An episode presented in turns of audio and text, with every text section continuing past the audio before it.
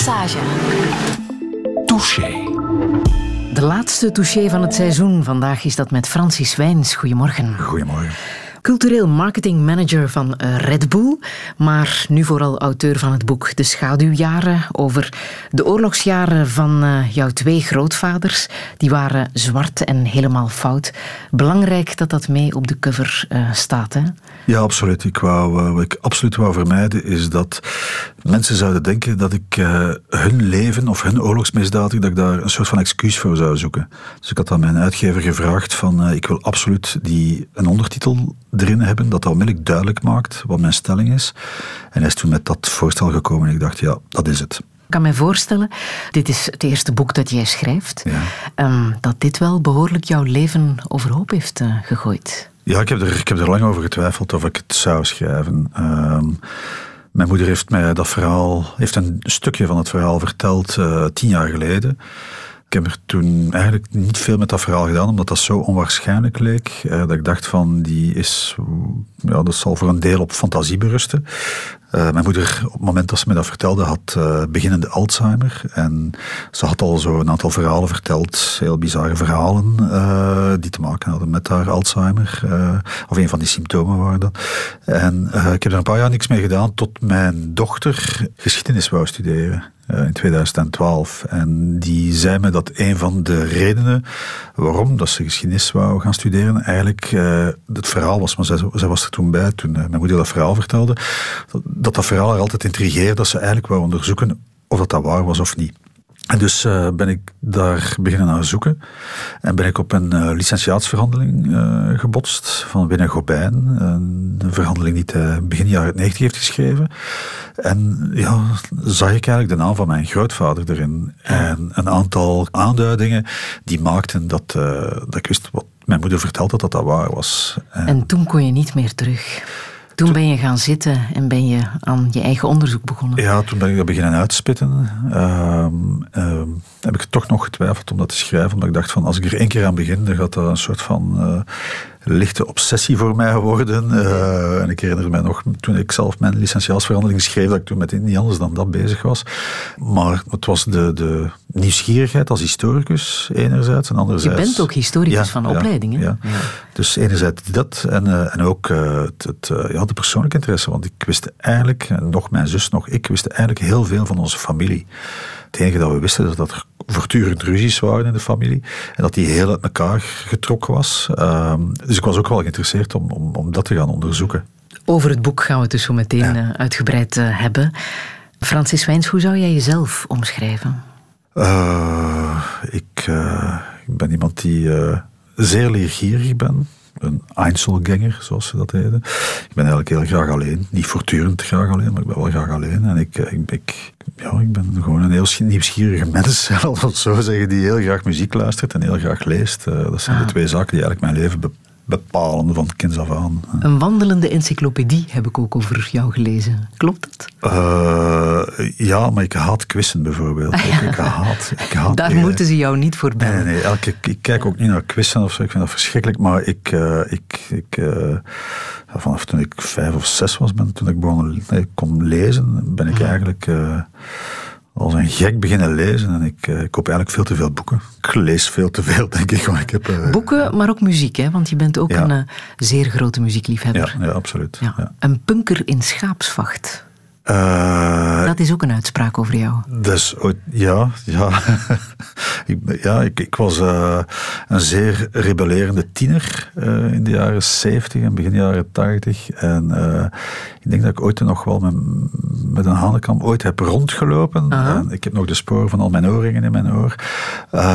maar ik, ik, ja, ik was zo de, de atypische punker eigenlijk. Want ik luisterde ook naar klassieke muziek en ik luisterde ook naar Queen bijvoorbeeld. Wat uh, not done was als punker om naar Queen te luisteren.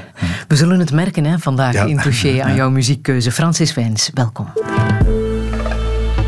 Radio 1. Friedel Lassage. Touché. Late at night when the wind is still, I'll come flying through your door.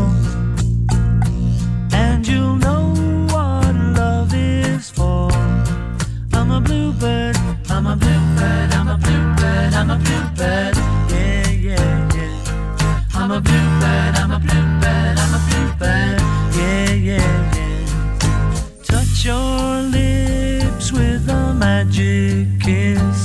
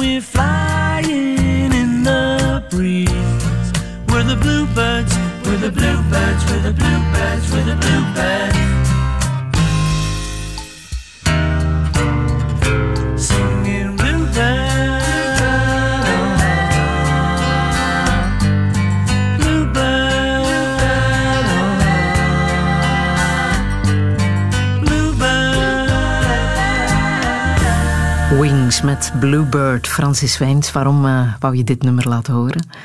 Wings was eigenlijk eh, de eerste cassette die ik ooit gekregen heb toen ik 13 jaar was. Eh, mijn zussen waren een heel grote inspiratiebron voor mij, voor mijn muzieksmaak. Uh, mijn jongste zus die had mij een cassetterecorder gekocht en haar lief, toenmalig lief, had ook een, een cassetje voor mij gekocht, Greatest Hits of Wings. En uh, ik vond dat fantastisch. En ik wou dat er eigenlijk in hebben, omdat iedereen altijd dweept met John Lennon en eigenlijk Paul McCartney de zeut vinden. En ik vind eigenlijk Paul McCartney een betere songwriter. Voilà, bij deze is dat gezegd. um, als je zegt 13 jaar, dan um, was jij nog niet op de hoogte dat Gaston Delbeke die bewuste grootvader was waar je nu dit boek over geschreven hebt, De Schaduwjaren. Je zei zo net, ja, jouw moeder heeft een uh, tiental jaren geleden um, iets verteld wat je nog niet wist. Ze had beginnende dementie en toen kwam er een verhaal uit. Wat heeft ze toen precies uh, verteld waar je zo van onder de indruk was? Ze is uh, op een zondagavond bij ons thuisgekomen en zonder intro, laat we zo maar zeggen, is plots beginnen zeggen van ja, kijk, ik heb... Um, mijn vader was eigenlijk lid van de Gestapo en um, ik heb hem nog gezien net voordat hij gefusilleerd is. Um, en ik heb een afscheidsbrief van hem gekregen. En dat was de laatste keer dat ik hem ooit gezien heb. En wat en, dacht jij toen ze dat zei? En ik dacht van, wat een bizar verhaal. En ik zat er met mijn twee kinderen, mijn zoon en mijn dochter, naar te luisteren. En we zaten uh, versteend eigenlijk. Uh, zo, wat is dat voor iets? Ja, dan begin je te denken natuurlijk uh, van, dat is een grootvader waar nooit of amper over verteld is geweest. Want mijn grootmoeder, de moeder van mijn moeder, is een aantal keer hertrouwd. Dus ik dacht van ja, die, dat is de, de, de vader van mijn moeder, maar die zal waarschijnlijk uh, gescheiden zijn en, en, ze zal daar nooit meer contact mee gehad hebben. Maar natuurlijk uh, intrigeert dat wel om te weten van iemand die lid is van de Gestapo en die gefusilleerd wordt. Hè, want er zijn, niet zo, ah ja, er zijn wel veel uh, oorlogsmisdadigers gefusilleerd, maar um, er zijn er meer die in de gevangenis zijn beland en uiteindelijk zijn vrijgekomen. Dus dan vraag je je af van, bon, van de 242 oorlogsmisdadigers behoort mijn grootvader daartoe en waarom? Dat was in 1948 ja. dat hij is uh, gefusilleerd. Je bent beginnen zoeken um, naar die naam Gaston Delbeke. Wat ja. ben je precies te weten gekomen? Uit welk nest bijvoorbeeld uh, kwam hij? kwam uit een uh, oorspronkelijk arbeidersmilieu. Uh, Gens arbeidersmilieu. Uh, mijn oude overgrootmoeder die heeft zich en zoals zij als haar zussen en broer hebben ze eigenlijk na de Eerste Wereldoorlog opgewerkt tot een, tot een welstellende, uh, zelfstandige familie, zal ik zo maar zeggen. Ze waren groothandelaars. En Gaston werd eigenlijk, uh, ik kan niet zeggen dat hij met de de gouden lepel in zijn mond werd geboren, maar, maar hij kreeg wel alle kansen. Eén keer dat zijn moeder welstellend begon te worden. Ging naar de juiste scholen, uh, leerde Frans, Duits, kon Engels. Uh, kon eigenlijk de groothandel van, mijn, uh, van zijn moeder overnemen. Mm-hmm. Maar Gaston was een beetje een ongeleid projectiel. had een drankprobleem. Dat maakte dat hij eigenlijk zijn hele carrière uh, naar de wandjes heeft geholpen. Uh, hij, had, uh, hij had een kruidenierswinkel, had geld geleend van zijn moeder om een kruidenierswinkel te openen. Had op een gegeven moment twee kruidenierswinkels. Kon dan de groothandel toch overnemen, maar al het geld ging eigenlijk op aan drank. En op een gegeven moment is die buiten gesmeten. Ja. Toen de Tweede Wereldoorlog uitbrak, was hij een jonge Gentenaar van 27 jaar. Ja. Waar stond hij toen in zijn leven? Wat voor um, houding had hij tegenover die uitbrekende oorlog? Hij is, in 1932 uh, getrouwd, had een dochter van zes toen, mijn moeder. Uh, hij had totaal geen politieke interesse. En hij is uit puur opportunisme met de Duitse bezetter gaan samenwerken. Wat heeft hij precies gedaan? Hij is uh, eerst als chauffeur beginnen werken voor de stadcommandatour, waar hij met Duitse officier moest rondrijden. Heel kort na de bezetting eigenlijk in België. Die uh, commandatuur ging opgeheven worden. En toen is hij op aanraden van een Duitse officier eh, gaan solliciteren bij de SIPO-SD, in de volksmond beter bekend als de Gestapo, in Gent, die net een afdeling had eh, geopend in eh, het miljoenenkwartier. En eh, hij heeft daar de bedenkelijke eer gehad om de, de eerste Vlaming te zijn die voor de Gestapo is gaan werken. En hij begon als chauffeur. Eh, dat is een soort van carrière die hij bij de Gestapo gemaakt heeft, die bij heel veel Vlamingen ziet die daarvoor gewerkt hebben. Je begint als chauffeur en op een gegeven moment word je tolk. Word Hij je kende zijn talen, dus Ja. dat was nuttig. ja, dus je wordt chauffeur omdat je de officieren moet gaan rondrijden voor aanhoudingen en eh getuigen verhoren. Je moet eh, gevangenen naar de gevangenis of naar de verhoorkamer brengen. En op een gegeven moment, ik denk twee jaar later, eh, werden de lonen van de chauffeurs eh, zwaar verlaagd. En toen heeft hij terug op aanraden van de toenmalige leider van de Gestapo in Gent eh, zijn examen als tolk gaan, af, gaan afleggen. Maar het is oorlog en hij werkt voor de bezetter. Met welke bedoeling deed hij dat? Wat was zijn motivatie? om geld te verdienen. Om Puur voor zo, het geld. Om zo gemakkelijk mogelijk geld te verdienen. Ehm, En dat gebeurt ook. dat gebeurde omdat je als eh, chauffeur verdiende je in Belgische franken toen 2300 frank. Eh, een arbeider verdiende 1300 frank. Dus je verdiende 1000 frank meer als eh, chauffeur. Het gaf je ook een status, want je had een kostuum, je had heel veel voordelen trouwens, heel veel materiële voordelen. De corruptie was bij alle Duitse diensten, maar ook bij de Gestapo in Gent, eh, dat tierde daar zeer welig. Wat ben je daarover te weten gekomen? Want hij heeft zich ook verrijkt. Hè? Hij heeft zich verrijkt. Hij, hij, eh, op bepaalde Tijdens de verhoren is hij verder gegaan dan Ja, wat hem zoals- uiteindelijk werd gevraagd. Absoluut. En veel van zijn collega's, maar ik denk dat hij er wel in uitblonk. Eh, toen razzia's werden gepleegd, dan eh, werd alles gestolen wa- wat er in huis was. Eh, vooral veel geld, omdat je dat niet kon. Ja, je kon onmiddellijk meenemen natuurlijk.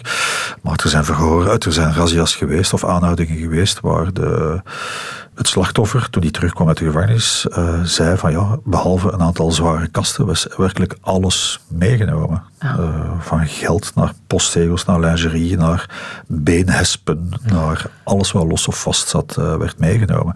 En hij deed dat continu eigenlijk. Continu omdat hij heel veel schulden voortdurend maakte door zijn drankproblemen, omdat hij constant ging feesten. En, eh, hij had een levensstatus die, die, die heel duur was, dus hij moest dat kunnen betalen. En daarmee ging hij dat soort misdaden begaan. Tijdens je onderzoek heb je ook zicht gekregen op eh, de reputatie die hij had opgebouwd hè? als eh, ondervrager, als tolk. Want hij was meer dan tolk alleen. Hij bleek ook eh, echt wel de ondervragingen te leiden. Ja, Eh, dikwijls, eh, dikwijls, er zijn een aantal getuigen die zich afvroegen op de duur van wie is eigenlijk hier de baas? Is het de Duitser, die, of de Duitse officier die hier in de verhoor- verhoorkamer zit, of is het eigenlijk de tolk, is het Gaston Delbeke?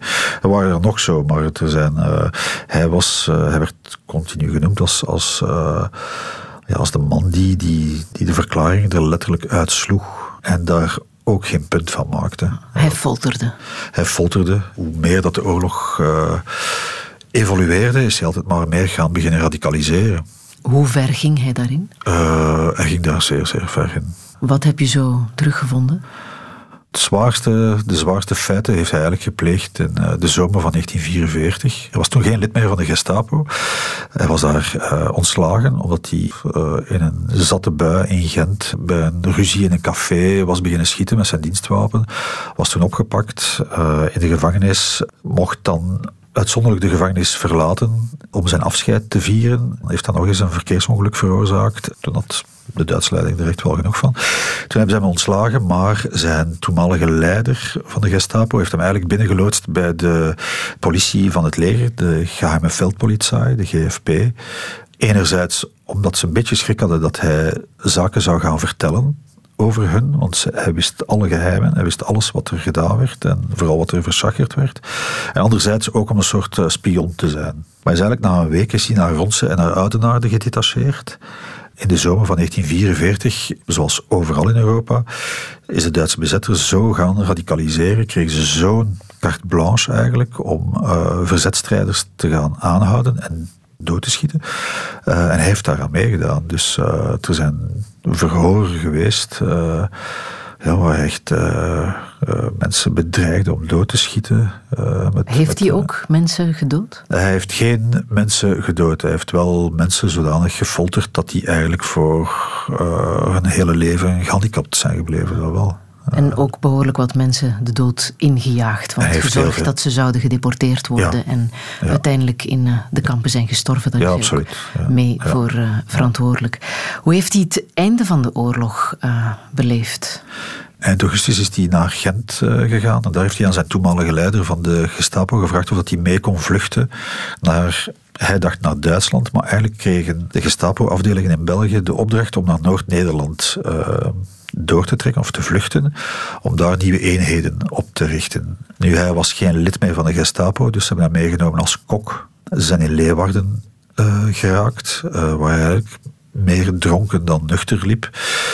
Hij is daar in aanvaring gekomen met eh, de minnares van, de, van, van Albrecht, de leider van de Gestapo, die echt geëist heeft dat hij zou gedeporteerd worden, maar hij heeft zich daaruit kunnen losfrikken uit die situatie.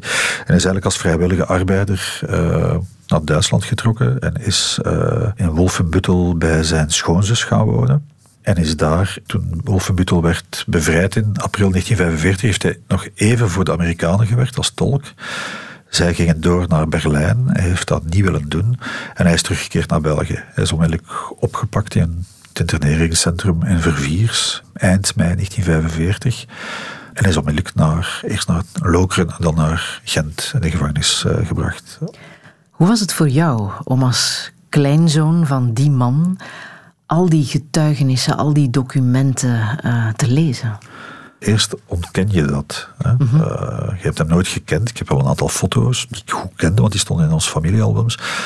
Maar je ontkent dat je denkt van ja, maar het zal wel niet zo erg geweest zijn. En onze familie kennende zal het wel iemand zijn die vooral zijn een plantrekker, maar niet veel meer dan dat zo. Hè. En het is maar pas toen ik eh, al die zaken begon aan elkaar te linken en te weten en die getuigenissen begon te lezen, dat je, dat je plots ziet, wel, dat is een verschrikkelijke persoon geweest. Eh, een totaal eh, immorele, amorele figuur. Eh,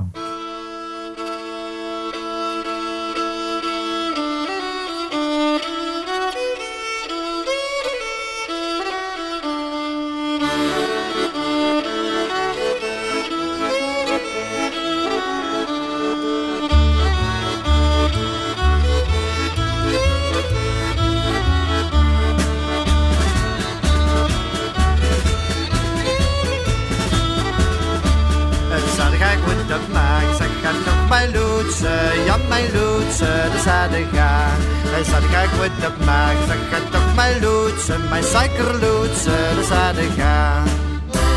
Je moeder strak mijn kliet, je moeder strak mijn kliet, je moeder strak mijn kliet, want mijn vrijer is geriet. Je moeder gewoon het loof, je moeder gewoon het loof, je moeder gewoon het loof en waar het spiegelloof.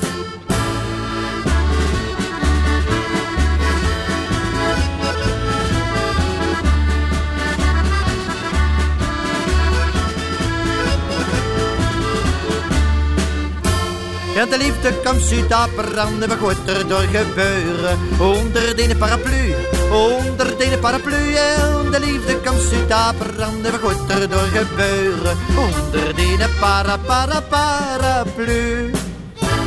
Ik goed op maag, zeg ga toch mijn loodse, ja mijn loodse, de.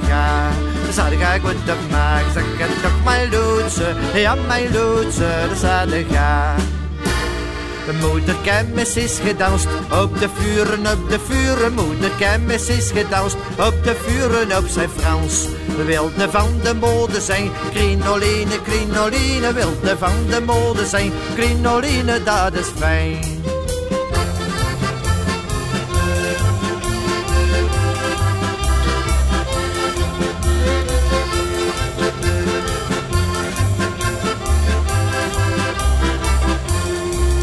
Pak nu het geen strak regen af, want al was slap en smok ze staaf. Tadada boompie, tadada boompie. Pak nu het geen strak regen af, want al was slap en smok ze staaf. Tadada boompie,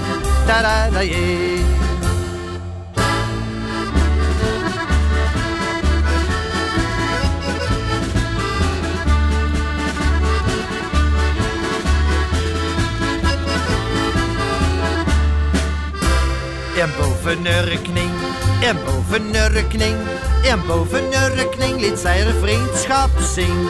En boven schoen, en boven schoen, en boven schoen mocht hij zijn goeste doen.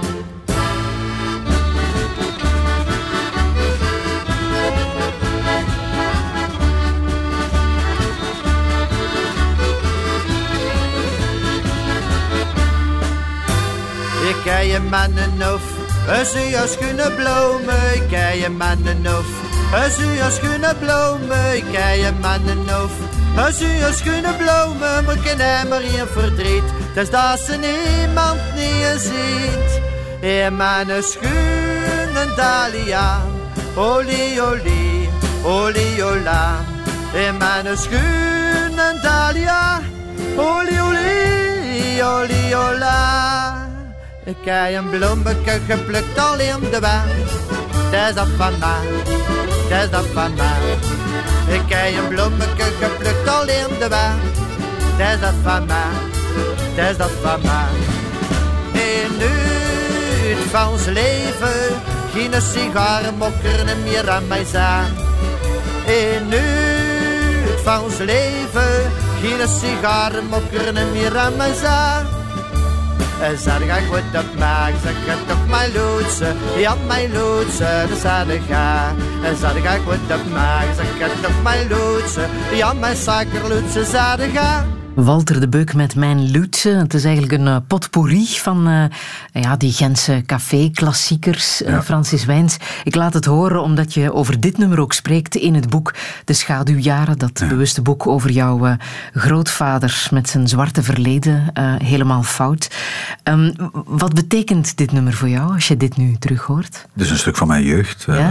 Mijn, mijn ouders hebben dat singeltje gekocht toen dat, dat uitkwam, want dat, redelijk, dat werd regelmatig op Radio 2 gedraaid. En, uh, en, ik vond dat fantastisch. En ik heb eigenlijk nooit, uh, nooit goed gesnapt waarom dat. Hè, omdat mijn moeder niet echt fan was van Walter de Buk. Uh, mijn vader was Antwerpenaar, dus die had eigenlijk niet veel met Walter de Buk. en ik herinner mij dat, dat een tante, een groottante, nee, een tante van, van mijn moeder die naar Amerika was verhuisd in begin jaren twintig, en uh, tante Stanse, en die was dan uh, in de jaren 70, mid 70 denk ik, uh, bij ons thuisgekomen. En mijn moeder heeft toen dat singeltje opgelegd en die waren allemaal aan het zingen. En nu weet je hoe dat komt. Nu weet ik dat, omdat er werd nooit verteld dat wij eigenlijk, uh, ja, dat mijn overgrootmoeder eigenlijk café-uitbaatster was en dat hij een café chantant had. Ja, vandaar komt dat. Ik heb toen ook het verhaal gehoord van mijn nicht, uh, een paar jaar geleden, dat uh, Walter de Buk nog heel veel partituren gaan kopen en liedjesteksten gaan kopen is bij mijn overgrootmoeder. En die overgrootmoeder, dat was Irma. ja. En Irma, om even de familie te reconstrueren, ja. is... Irma is de moeder van Gaston Delbeke, uh-huh. de oorlogsmisdadiger. En Gaston Delbeke is de vader van mijn moeder. Jouw moeder. Laten we daar eens uh, ja. op inpikken. Zij was veertien ja. toen haar vader werd uh, gefusilleerd. Toen Gaston Delbeke werd uh, gefusilleerd. Welk leven heeft zij gehad, jouw moeder, als, als kind? Want zij heeft ook die oorlogsjaren meegemaakt. Ja, hè? ze heeft er een paar dingen over verteld voordat ik het, dit verhaal wist. En ze is eigenlijk uh, opgegroeid in een, in, een, een gezin waar voortdurend ruzie was. Waar letterlijk met servies naar elkaar werd gegooid. Uh, waar gevochten werd. Mijn moeder is voornamelijk door haar grootmoeder, Irma, opgevoed. Ja, ze is, ze eigenlijk in een compleet verscheurde situatie opgevoed. Uh, Wie was papa Jean? Want dat is de man die jij jarenlang als je grootvader ja, hebt aanzien. Hè? Mijn grootmoeder is uh, dus uh, mijn, uh, de vrouw van Gaston Delbeke is kort na zijn fusillering is opnieuw hertrouwd met Pierre, Pierre van der Straat. Ik heb die man nooit gekend, mijn zussen wel. Ik heb die man nooit gekend. In de jaren 60 is ze daarvan gescheiden. En toen in 1970 is ze voor een derde keer getrouwd. Uh, met een kelner die ze heel dicht, uh, waar ze woonde, had leren kennen. Ze woonde aan het Sint-Pieterstation in Gent. En uh, was Café Metropool, al een gekend café eigenlijk, met veel biljarten. En, en, die man heb ik heel goed gekend. Wat voor band had jij met jouw papa Jean? Oh, ik, ik had vooral een heel goede band met mijn grootmoeder. -huh. ik vond haar een fantastische vrouw eigenlijk. Een zeer excentrieke, koppige, speciale madame eigenlijk. En ik had die heel graag. En, en Jean, die, eh, die zorgde voor haar, maar die zorgde ook wel voor ons. Ik ging daar heel dikwijls naartoe in het weekend. En Jean, die kocht mij... eh, elke keer als ik kwam, kocht hij eh stripverhaal voor mij. Altijd Carl May. Heet dat heel... eh, zo van, dat was van eh, Willy van der Steen, zo, zo Old Shatterhand en Winnie Toe verhaal en zo. Hij ging met mij naar de kermis. En eh, ja, er waren zo spaaracties bij de Esso, weet ik nog, voor Kuifje en het Haaienmeer. En hij had dat allemaal verzameld. Dus ik had zo Kuifje, denk ik, eh, twintig keer. Hij, zo, weet je, hij hield dat allemaal bij voor mij. Dus hij deed altijd zijn best. Ehm, ja. Zijn naam was Jan van Keulenbroek. Ja. Toen je bezig was met je onderzoek naar Gaston Delbeke, Ja. kwam je ineens ook zijn naam tegen. Ja, ik had, eh, ik had een, ehm, een verhoor van mijn grootmoeder eh, ingekeken. En zij vertelde over hoe erg dat het was om met Gaston Delbeke te leven. Want mijn grootmoeder is ook opgepakt en heeft ook in de gevangenis gezeten op verdenking van eh, collaboratie. Voornamelijk omdat zij eh, getrouwd was met een oorlogsmisdadiger. Eh, ze dan vier maanden later vrijge- vrijgelaten. Dus ik vertelde dat aan mijn zus, hè, Marijn, die nog al een leven gehad hebben, waar we bezig. En mijn zus Veronique zei plots, eh, check eens Jean, want ik heb die man eigenlijk nooit vertrouwd. Ik vond al een, een, een vieze vent, zei ze tegen mij. En ik ben dat beginnen opzoeken. Ik ben in een boek van Lieve Saris terechtgekomen. Die vertelde over Vlamingen die in de oostelijke gebieden kampbewaker waren. En Jan van Keulbroek werd daar vermeld als een van de, de misdadigers. En toen dacht ik van, dit moet ik verder uitzoeken.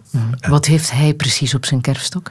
hij was heel jong, hij was 18 jaar, zoon van een apotheker, ook uit de Sleepstraat, ook een volksbuurt in Gent. Eh, is eind 1942 lid geworden van de OT, de Organisation Tood, wat zo de, de bouwmaatschappij van de nazi's was, en die onder meer de Atlantikwal hebben gebouwd.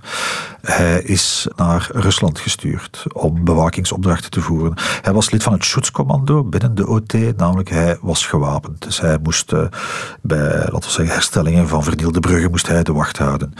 Kort daarna zijn ze met een aantal Belgen naar Oost-Pruisen, Polen nu, gestuurd om een van de vele kleinere concentratiekampen te gaan bewaken. Er waren een drieduizendtal voornamelijk Joodse vrouwelijke gevangenen die slavenarbeid moesten verrichten op een nabijgelegen vliegveld die van heel strategisch belang was voor de Duitsers. Deed daar de bewaking, maar was daar een van de ergste.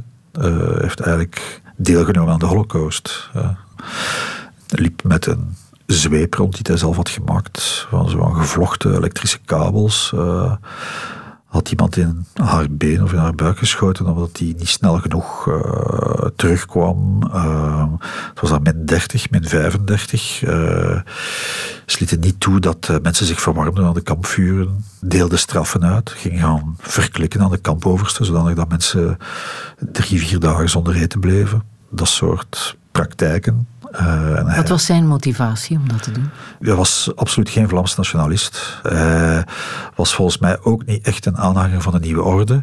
Ik denk dat hij dat gewoon gedaan heeft uit, zelfs niet uit opportunisme, gewoon uit een soort van vreedheid. Zij zagen dat niet als marteling. Voor hen was dat werk. En dus als mijn werk is dat ik mensen mag mishandelen, zijn dat geen mishandelingen, is dat werk. Hoe is hij voor zijn daden gestraft geweest? Heeft deelgenomen aan de dodenmars. Eh, een verschrikkelijk verhaal is. Echt verschrikkelijk verhaal. En hij is gevlucht naar Danzig. En is toen aangehouden, weer vrijgelaten. Omdat je eigenlijk heel weinig eh, kon vinden. Maar op een gegeven moment in 1946 zijn er processen begonnen. Met getuigenissen over wat er allemaal in die kampen is gebeurd. En ook op die dodenmars. En is opnieuw aangehouden. Heeft uiteindelijk eh, de doodstraf gekregen. Maar eh, dat is het cynisme ten top eigenlijk. Eh, ten eerste voor zijn jeugdige leeftijd. Maar ten tweede omdat de, de misdaden in het buitenland waren begaan. En dat er geen Belgen onder de slachtoffers waren. En dat niemand eigenlijk een klacht had neergelegd. Wat ook niet kon, omdat bijna iedereen gestorven is. Eh, heeft hij eigenlijk levenslang gekregen. En levenslang heeft hij voorlopige invrijheidstelling gekregen. En ik denk dat, eh, als ik me niet vergis, in 62 jaar is hij voorlopig vrijgekomen. En dan nog een mooi leven gehad met, eh, met jouw grootmoeder. Als Ja, heeft, derde echtgenoot. Hij is, is al als kelner beginnen werken. En dan is hij voor de SIDAC beginnen werken. Een soort van plastiekbedrijf in de, in de omgeving van Gent. En zo werd hij jouw stief Ja, opa. ja. Die man heb je wel gekend. Hoe Ja. was het om dat te beseffen dat je als kind bent omgegaan met iemand die zo'n verleden eh, verborg? Wat ik zag was eigenlijk eh, een man die zijn leven op krediet heeft gekocht. Hè. Zowel Gaston Delbeke als Jan van Keulenbroek. Gaston Delbeke heeft, eh, heeft met zijn leven bekocht. Jan van Keulenbroek heeft een derde van zijn leven in de gevangenis gezeten. Hij was alleen, zijn ouders waren gestorven tijdens de oorlog, was kind alleen. Dus heeft hij eigenlijk, denk ik, nooit aan iemand verteld. Hij had wel, wel een paar keer meegeweest op bezoek bij mensen. En af en toe vonden we wel dingen waren raar. Zo. Ik bedoel, Het feit dat hij naar Duitse oorlogsmarsen luisterde, is nu niet bepaald iets dat je zo gezellig doet op een zondagnamiddag. Maar hij deed dat wel. Er komt heel veel terug als je, als je daar begint over na te denken. En dan begin je, probeer je alles op te schrijven wat je je nog kan herinneren. Eh, zowel de goede als de slechte dingen. En dan zie je eigenlijk een man van, de Ju, die deed echt wel, wel zijn best voor mij. Dat was een aangename mens. Maar volgens mij acteerde hij dat ook. De keer dat hij mijn vader zag, werd hij altijd zeer zenuwachtig. Dat weet ik. Omdat mijn vader geen gemakkelijke mens was. En eh, ook eh, zeer veel afgezien heeft tijdens de oorlog. Eh, en mijn vader had mij gezegd van, ja, Jan heeft voor de OT gewerkt als chauffeur. Dat is het verhaal dat hij altijd vertelde. Dus we dachten, oké, als chauffeur, dat zal wel niet zo erg zijn geweest. Maar hoe meer dat je dat begint uit te spitten, ja, hoe meer dat je ziet van, ja, dat was een, een, een, een smeerlap eerste klas. En op welke manier heeft jouw vader afgezien in eh, de oorlog? Goh, mijn vader eh, is komt, uit Antwerpen en, en, de oorlog is eigenlijk op zijn verjaardag losgebroken. Eh, namelijk toen hij echt acht jaar werd.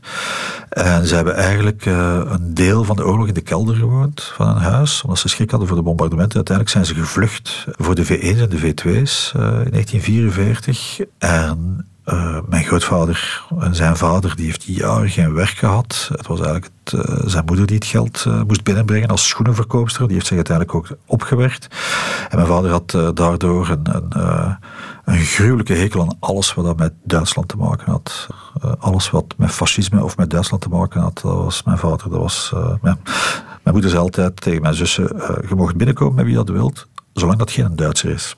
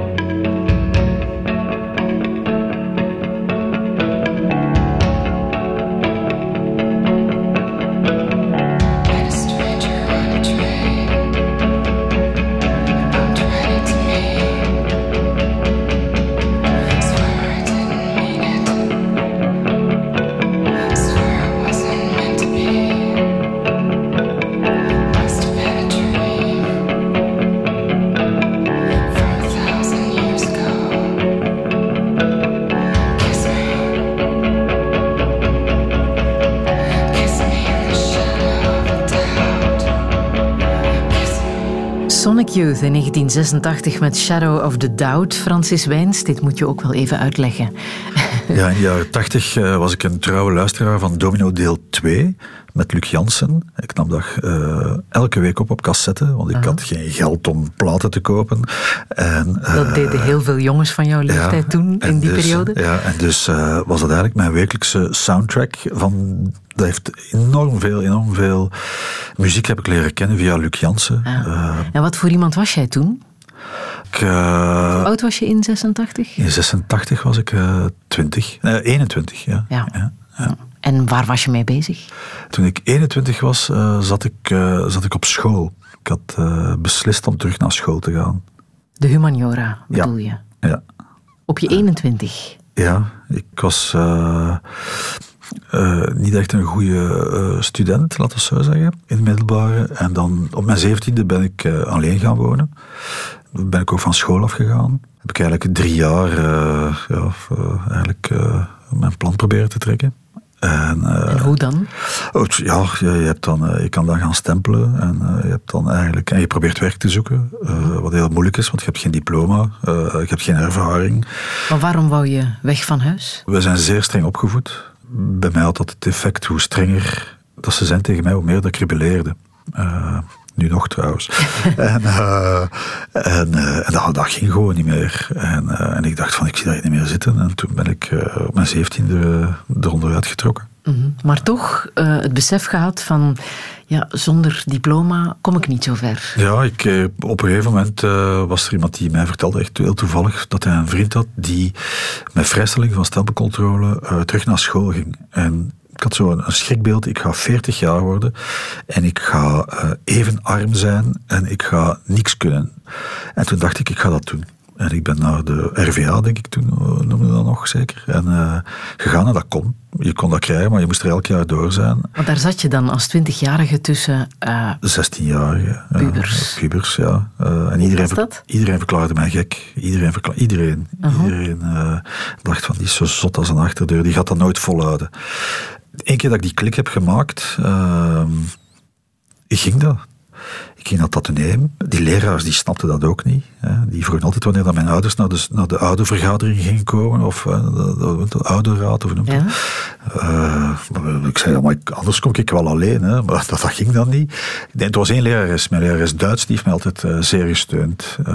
Maar de rest, die, die begreep dat totaal niet. Maar ik heb daar de eerste maanden nog wel mee geworsteld zo. En toen dacht ik van nee, ik draai dat om. En ik heb eigenlijk nooit meer achterom gekeken. Ik dacht van ik moet dat diploma hebben. En daarna wil ik naar de universiteit gaan. En ik wil gewoon een universitair diploma hebben. En dan wil ik zo snel mogelijk werk hebben. En, eh, en zo is het gegaan. ja, Ja. ja, Je bent eh, geschiedenis gaan studeren. ja. Met eh, welke ambitie was dat? Waarom geschiedenis? Ik, wou eerst economie gaan studeren, maar ik dacht van, ik had zoveel schrik om dat dat niet ging gaan. Ik had zoveel faalangst daarover, dat ik dacht van, ik ga eh, geschiedenis doen, want ik denk dat, dat, inter- eh, interesseert mij. Geschiedenis was altijd iets dat mij enorm interesseerde. Ik wil dat doen. Want ik had er altijd spijt van hebben als ik dat nooit mag doen. En nu heb ik daar de kans voor. Maar ik wist eigenlijk... eh, ja, ik wist eigenlijk redelijk snel dat, dat, dat je daar weinig werk mee kan vinden. Ik had toen al ik was twee kinderen, dus, eh, dus ik eh, wou... eh, Ook nog eens jong vader geworden. zeer jong vader geworden. Ik was, op mijn 23ste was ik vader. Eigenlijk, een week voordat ik naar de universiteit ging, ben ik vader geworden van mijn zoon. En, ehm, dus ik, ik wou onmiddellijk gaan werken. En ook toen verklaarden mijn studiegenoten mij zot, want ik ben in een platenwinkel gaan werken. Aan het minimumloon, dat was, dat was onwaarschijnlijk weinig. Maar ik dacht van, ja, er moet gewoon geld binnenkomen. en, eh, en ik pak gewoon aan wat ik kan. En gelukkig, eh, in een platenwinkel werken was wel fantastisch natuurlijk. En van daaruit ben ik eigenlijk verder beginnen gaan. En heb je ooit iets gedaan met dat diploma geschiedenis? Nee, nee. Ik, eh, Tot nu, tot dit boek. Ja, ik ben, ik ben één keer naar wat is dat, opleiding voor leraar geweest. Of zo'n bepaalde naam ben ik meer. En, en ik, na, één, na één uur dacht ik van, dit wil ik nooit van mijn leven doen. Zo verschrikkelijk gewoon. Eh, achteraf heb ik daar wel spijt van gehad, want ik had eigenlijk wel graag leraar willen zijn. Eh, ik zou een strenge leraar geweest zijn. Maar... ehm, eh, Op een of andere manier ben je dat nu misschien wel, doordat je de schaduwjaren hebt eh, ja, ja. neergeschreven. het Eh, verhaal en- van jouw twee grootvaders. Ja, dat, terwijl ik begon met dat onderzoek, en vooral toen ik begon te schrijven, in één keer was die passie er terug. Voor te onderzoeken en te schrijven. En dacht ik van, het was gelijk terug thuiskomen. Ik vermoed dat jouw moeder niet meer in staat is om het boek te lezen. Hè? Nee, nee, nee. Mijn moeder is, eh, is, is echt volledig, volledig dement. Eh, Stel dat ze het zou kunnen lezen. Hoe zou ze erop reageren, denk je? ik ben er zeker van dat ze, dat ze, dat ze enorm zou schrikken van de rol van haar vader. Want ik weet zeker dat ze haar vader graag zag. Ze heeft altijd een foto gehad van mijn, van mijn grootvader, van haar vader, altijd verstopt in een kast. Ehm, en toen ze naar het bejaardentehuis is gegaan, toen ze nog, toch nog redelijk helder was, had ze maar twee foto's mee. Die van mijn vader, eh, die, die, eh, die toen ook al gestorven was, en, ehm, en haar vader. De foto van haar vader lag ook in diezelfde schuif. Jouw vader heeft het boek ook niet meer Nee. kunnen lezen. Hoe zou zijn reactie zijn geweest? Hij zou mij daar zeker eh, zijn zegen over gegeven hebben. Ja, Ja, absoluut. wegens zijn verleden. wegens zijn verleden en ehm, ik zeg het, alles, alles wat eh, naar volksgenie zweemde, en zeker het Vlaams Blok toen, eh, dat was, ja, voor hem was dat alles wat, wat, wat slecht was voor hem. Dus, eh, dus hij zou dat zeker eh, toegestemd hebben.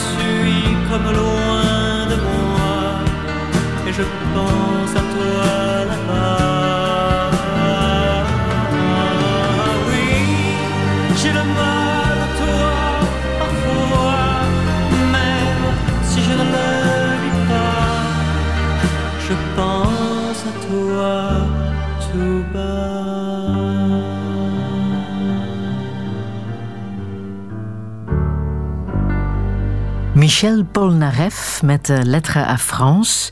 Ja, een nostalgische ode aan, eh, aan Frankrijk. Ik heeft, hij heeft het ook geschreven toen hij al Frankrijk eh, had verlaten, verlaten, ja. dacht ik, eh, toen hij in Californië leefde. Ehm, Francis Wijns, waarover gaat dit voor jou? Voor mij is dat mijn jeugd. Ja? Wij zijn Franstalig opgevoed. Ehm, we zijn al eh, drie, uh, mijn twee zussen en ik, naar een Franstalige school gegaan. Eh, een eentalige Franstalige school trouwens nog in Gent, totdat dat afgeschaft is geweest. Ik heb daar eigenlijk maar pas mijn kleuterklas gedaan, maar mijn zus heeft daar, denk ik, zelfs een stuk van haar middelbaar gedaan, mijn oudste zus. En waarom? Waarom moesten jullie in het Frans naar school? Ehm, omdat dat zeer belangrijk was voor mijn moeder dat wij ehm, de Franstalige cultuur meekregen. Ehm, dus ehm, enerzijds ehm, heb ik ook door mijn onderzoek geleerd, want het was heel raar. Wij, wij woonden in Ledenberg, een arbeiderswoning. Maar wij gingen wel naar eh Instituut de Charles de Kerkhoven, in de Bagattenstraat toen nog, of in de Pollepelstraat in Gent.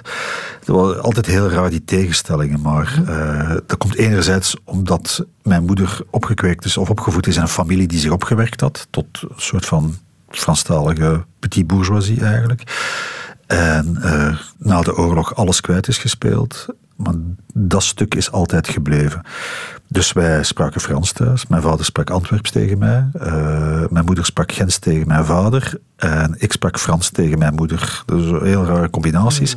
Maar wij keken altijd naar Franse zenders. En eh, wij luisterden enorm veel naar Franse muziek. En dat noem je nog altijd je guilty pleasure. ja, Luisteren naar dit soort... ja, mijn zussen kochten heel veel Franse singeltjes. Mijn zus is nog altijd eh, gigantische fan van Julien Clerc. En mijn andere zus was eh, grote fan van, van Claude François, maar ook van eh, onder meer Michel Polnareff. En, en, en elke keer als ik daarnaar luister, naar Michel Polnareff, mijn vrouw vindt dat verschrikkelijke muziek.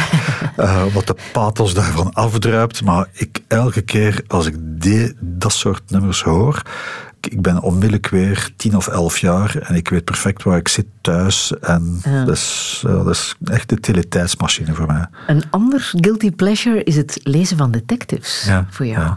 Waarom? Eh, ik vind dat dat een, een genre is dat. eh, ik heb ooit eens een, een, een- iemand op de radio horen zeggen eh, dat er een verschil is tussen literatuur en lectuur. Hè. Dat was zo. En, en daar kijk ik het al van, zo, dus met dat wijsvingertje. Hè, eh, hè, dus de lectuur, dus voor dan, zo, gezegd voor de domme mensen. Ontspanningsliteratuur, of lectuur dan. En daar wordt dan detectives bij gerangschikt. Maar ik heb dat eigenlijk leren lezen of leren appreciëren. Mijn vader las niet anders dan detectieve romans. En toen ik een jaar of twaalf was, heb ik ooit eens op eh, zolder een doos gevonden. En daar zaten, ik denk, een honderd pockets in. Van eh Ellery Queen en Nio Marsh, eh, eh, Edgar Wallace. En ik ben dat beginnen lezen. Ik vond dat fantastisch. En eigenlijk is dat genre... Af en toe wordt er mij zeker dédain naar gekeken, maar, maar dat kan een zeer goed geschreven genre zijn. Eh, dat, kan, dat kan fantastisch geschreven zijn. Dat eh, niet alleen over eh, detectives gaat die à la Hercule Poirot rondhuppelen, maar dat kan echt over sociale zaken aan.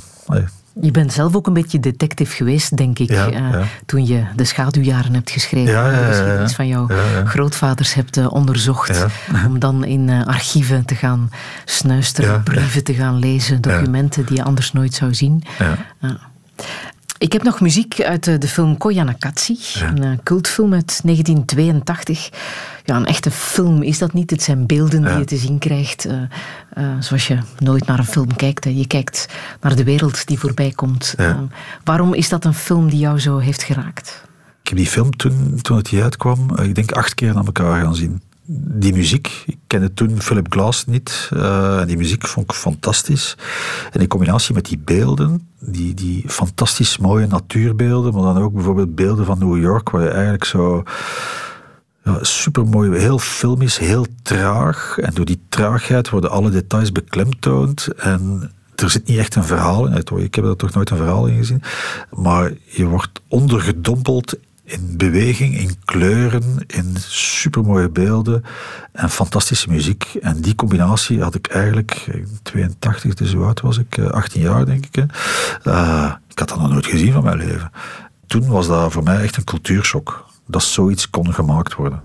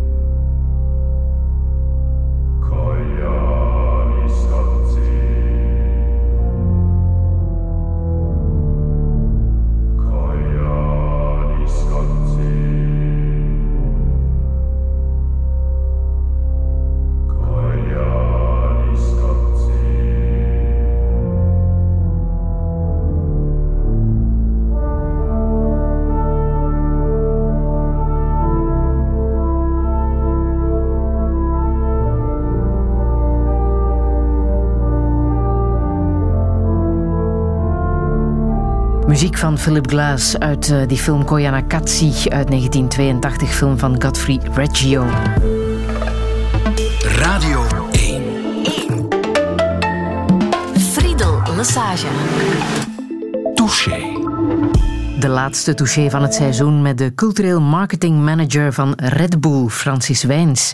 Op zijn zeventiende zag zijn leven er helemaal anders uit. Hij was toen net het ouderlijk huis ontvlucht, had geen diploma op zak, maar troostte zich met zijn onmetelijke liefde voor muziek. Hij wist toen nog niks van het gruwelijke oorlogsverleden van zijn twee grootvaders. Als twintiger maakte hij zijn middelbare school af en werd alsnog historicus. Vorige maand publiceerde hij zijn eerste boek, Schaduwjaren, waarin hij de hele historie van zijn grootouders uit de doeken doet. Ze waren zwart en helemaal fout, zo schrijft hij. Maar hoe moet het verder? Hebben we iets geleerd uit dat verleden? En komt het ooit nog goed met de wereld? Dit is Touché met Francis Wijns. Een zeer goede middag.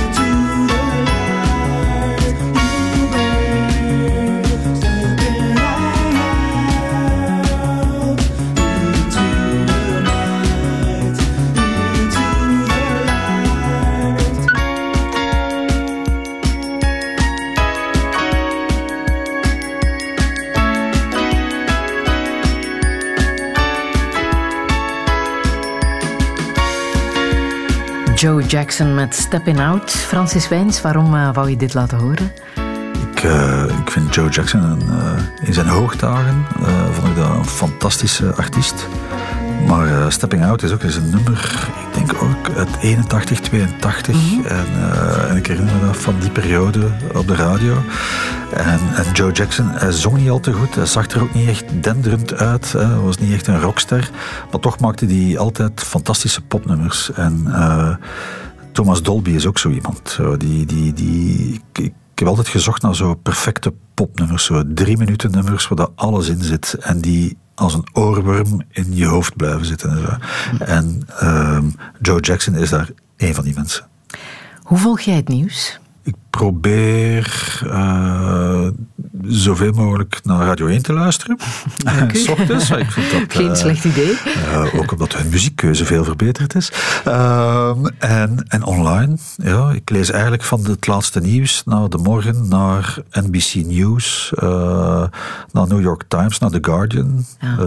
dat is het gemak van sociale media eigenlijk. Het is ondertussen een uh, dikke maand geleden dat uh, we naar de stembus zijn gegaan. Hè? Dat er uh, ja. verkiezingen waren en dat ook bleek dat Vlaanderen vooral rechts heeft gestemd. Hoe heb jij dat nieuws gevolgd als historicus en als auteur van dit boek De Schaduwjaren? Wat ik zeer opmerkelijk vond, is dat het uh, nieuws bijna of zo goed als salonveeg is geworden om te zeggen dat je voor het Vlaams Belang hebt gestemd. Uh, ik herinner mij toch jaren terug dat mensen die voor het Vlaams Belang stemden, dat die niet in je vriendenkring zaten. Of toch niet, tenminste niet in je kennissenkring, want moesten dat vrienden van mij zijn, zou dat geen lange vriendschappen zijn. En nu merk ik dat er, dat er zonder enige gêne wordt gezegd, ja, ik heb voor het Vlaams Belang gestemd. Ook onder jouw vrienden? Niet onder, onder mijn, een aantal verre vrienden, ja. Toch wel? Uh, ja, heb ik toevallig ontdekt, omdat ik ook uit interesse volg wat Vlaams Belang post bijvoorbeeld. Uh, en uh, wat andere partijen posten. En dan plots zie je X en Y vinden die of die partij leuk. Zo. Dat is ja. toch zo, oh boom, had ik toch nooit gedacht dat jij dat ging uh, leuk vinden. Ja. En begrijp je die rechtse stemmen? Ik, uh, ik denk dat de grootste fout dat je kan maken is uh, om met een soort snobisme die mensen weg te zetten als losers en onnozelaars. Ik denk dat dat het stomste is dat je kan doen. Er is een reden waarom dat het Vlaams Belang zoveel stemmen heeft vergaard. Ik denk enerzijds omdat ze een zeer gemakkelijk discours leveren.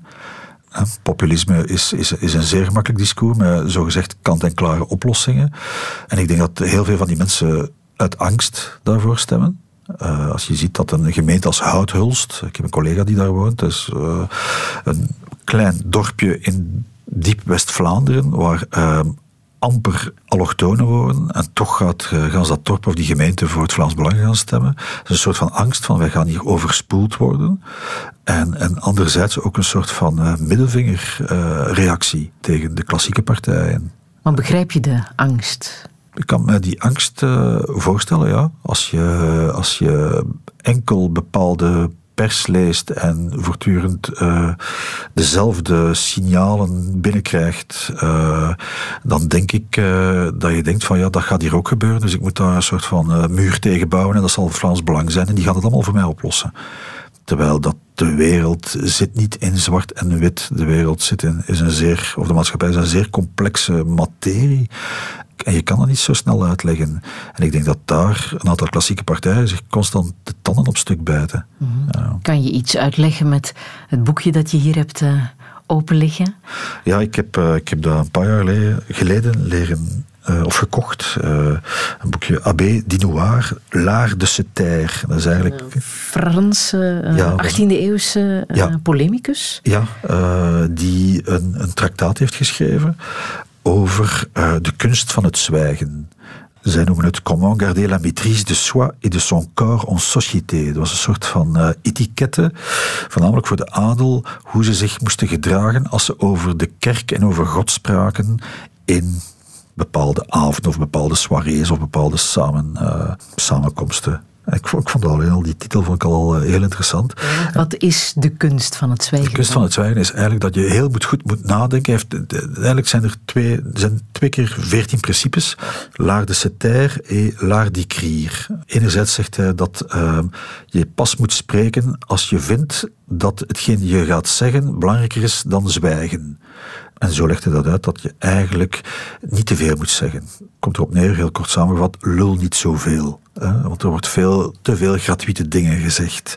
Of Toepasbaar op wat bijvoorbeeld nu uh, in de media te horen en te zien is? Ja, absoluut. Omdat, omdat sociale media verenigt. Mm -hmm. is een netwerk eh, dat verenigt, maar sociale media zorgt er ook voor dat, uh, dat alles en iedereen zijn eigen mening kan spuien. En dat je.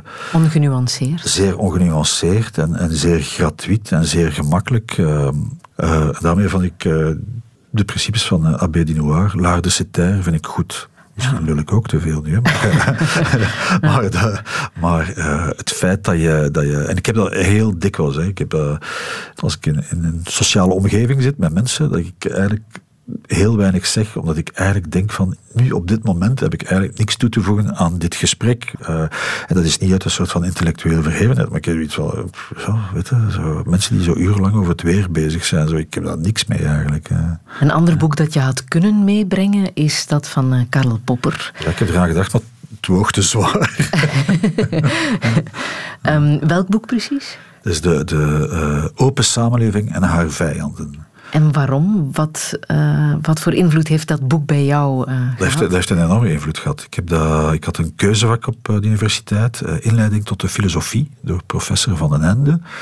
En dat ging over, ik had nog nooit van Karl Popper gehoord, en hij begon eigenlijk te vertellen over diens visie. En ik vond, dat, ik vond dat zo interessant en zo intrigerend dat ik onmiddellijk toen boek gaan kopen ben. Dat was toen De Groei van Kennis. Uh, en achteraf heb ik toen uh, dat andere boek gekocht. En uh, Karl Popper was eigenlijk een, een, een, is, een wetenschapsfilosoof, een Oostenrijker. die in 1945 zijn boek heeft gepubliceerd, Open Samenleving en haar vijanden. Was een ex-communist, heeft daar afstand van genomen.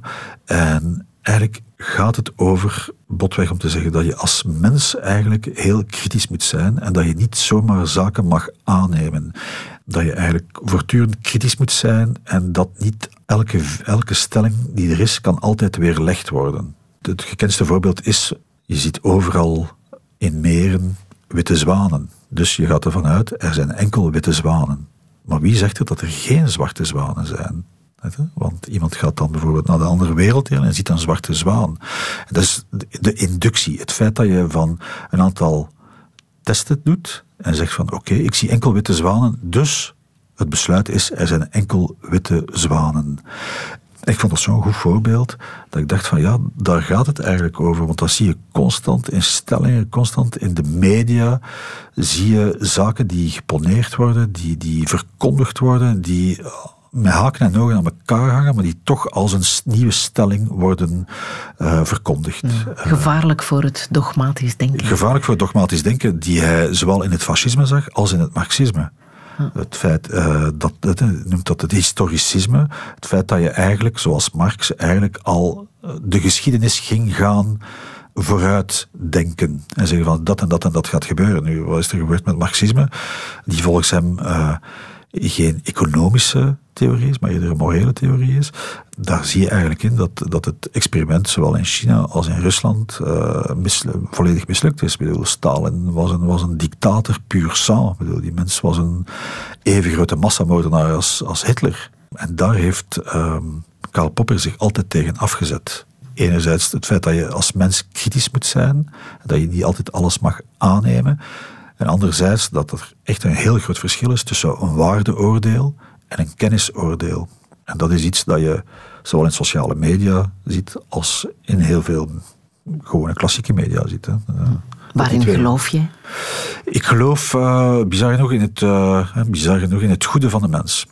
Ondanks de slechtheid dat je overal ziet. Ik denk dat ik uh, met mijn onderzoek toch wel redelijk tot de bodem van de put van slechtheid ben geraakt. Uh, een hele diepe beerput was ja, dat? Ja, een beerput, inderdaad. Uh, ik heb... Uh, ja, ik heb, ik, heb, ik heb zaken beschreven. Daarmee dat ik daar ook. Ik wil daar niet altijd tot in detail over vertellen, omdat ik dat heel gratuit vind. Zo al die folterpraktijken en zo. Ik wil niet mm -hmm. doen, zo, want daar gaat het eigenlijk niet over. Het gaat eigenlijk wel over de slechtheid. Maar toch geloof ik in de goedheid van de mens, omdat ik denk dat als je daar niet mee in gelooft, heb je eigenlijk geen reden meer. Heeft de mensheid geen reden van bestaan meer. Je zei zo net ook, Mijn grootvader is waarschijnlijk een hele normale man geweest. Ja, eh, zoals zoveel. Ondanks zijn gruweldaden, Ja. ondanks zijn vreselijk oorlogsverleden. Ja. Ik noem in mijn boek eh, Jan van Keulenbroek, de man die, die eh, kampbewaker was. Eh, dat is een man zonder eigenschappen. Een zeer doodnormale man die, ja, die ging gaan werken en die boodschappen deed en die kortingsbonnetjes uitsneed en voor een of andere reden altijd in een schriftje plakte en die dan zo met dat schriftje naar de winkel ging en zo. Heel, raar. Ehm, Dus geen psychopathische Nee, neigingen, geen, eh, zelfs geen ja, criminele achtergrond. eh. Nee, er zullen er zeker geweest zijn. Er waren er ook zeker. hè. Er zullen er zeker tussen gezeten hebben, maar als je dat vergelijkt met internationaal onderzoek, dan zie je dat een heel pak van die mensen eigenlijk doodnormale familiemensen waren. Doodnormale familievaders waren, die eigenlijk op relatief korte termijn massamoordenaars wer- werden. Heb je daar dan een verklaring voor? Hoe zoiets kan? Hoe de mens zo kan evolueren? Door de context, door, eh, door een keuze te maken. En ze maakten die keuze om daarin mee te gaan. Dat is heel belangrijk. Want je kon ook ervoor kiezen om daar niet aan deel te nemen. Een klein deel heeft daarvoor gekozen om daar niet aan deel te nemen. Maar door, door een keuze te maken en ook door de context. De context maakte dat je dat mocht doen. Door de wetten die, eh, of door de, de bevelen van Hitler werd dat mogelijk gemaakt. Hè. Eh, en naarmate de oorlog vorderde, radicaliseerden de Duitsers alsmaar, dus ook de collaborateurs, de verzetstrijders, de verzetsbeweging, eh, die radicaliseerden, werden altijd maar meer, eh, werden altijd maar eh, heviger en heviger. Het rare is dat als, als context verandert, dat normale mensen daarin mee kunnen gaan. Er is een heel, eh, heel gekend experiment in de jaren 60, denk ik, eh, waar proefpersonen worden gevraagd en de ene worden ingedeeld als jij bent de ondervrager en de andere jij bent degene die ondervraagd wordt. De mensen die ondervragers zijn weten niet dat de, degenen die ondervraagd worden eigenlijk acteurs zijn. En dus die worden ondervraagd en dat is met elektroshocks. Degenen die ondervragen weten ook niet dat die elektroshocks eigenlijk fake zijn. Die mensen gaan altijd maar verder en verder en verder. Om, waarom? Omdat die context er was. Ze mochten ondervragen en ze mochten elektroshocks gebruiken. En ze mochten elektroshocks gebruiken tot de dood er kon opvolgen. Eh, en dat is, dat is een van de, de, de, de gekendste. Er zijn nog x aantal experimenten geweest. waar mensen in een context, in zo'n bepaalde context. beginnen radicaliseren. en eigenlijk zonder enig problemen mensen gaan doden.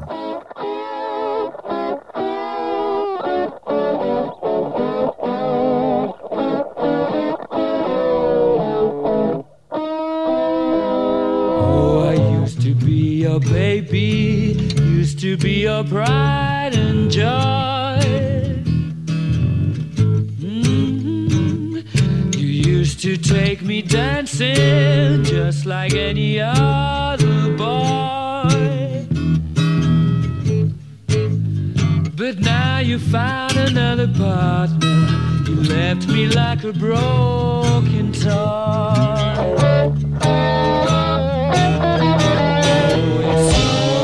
you take it someone.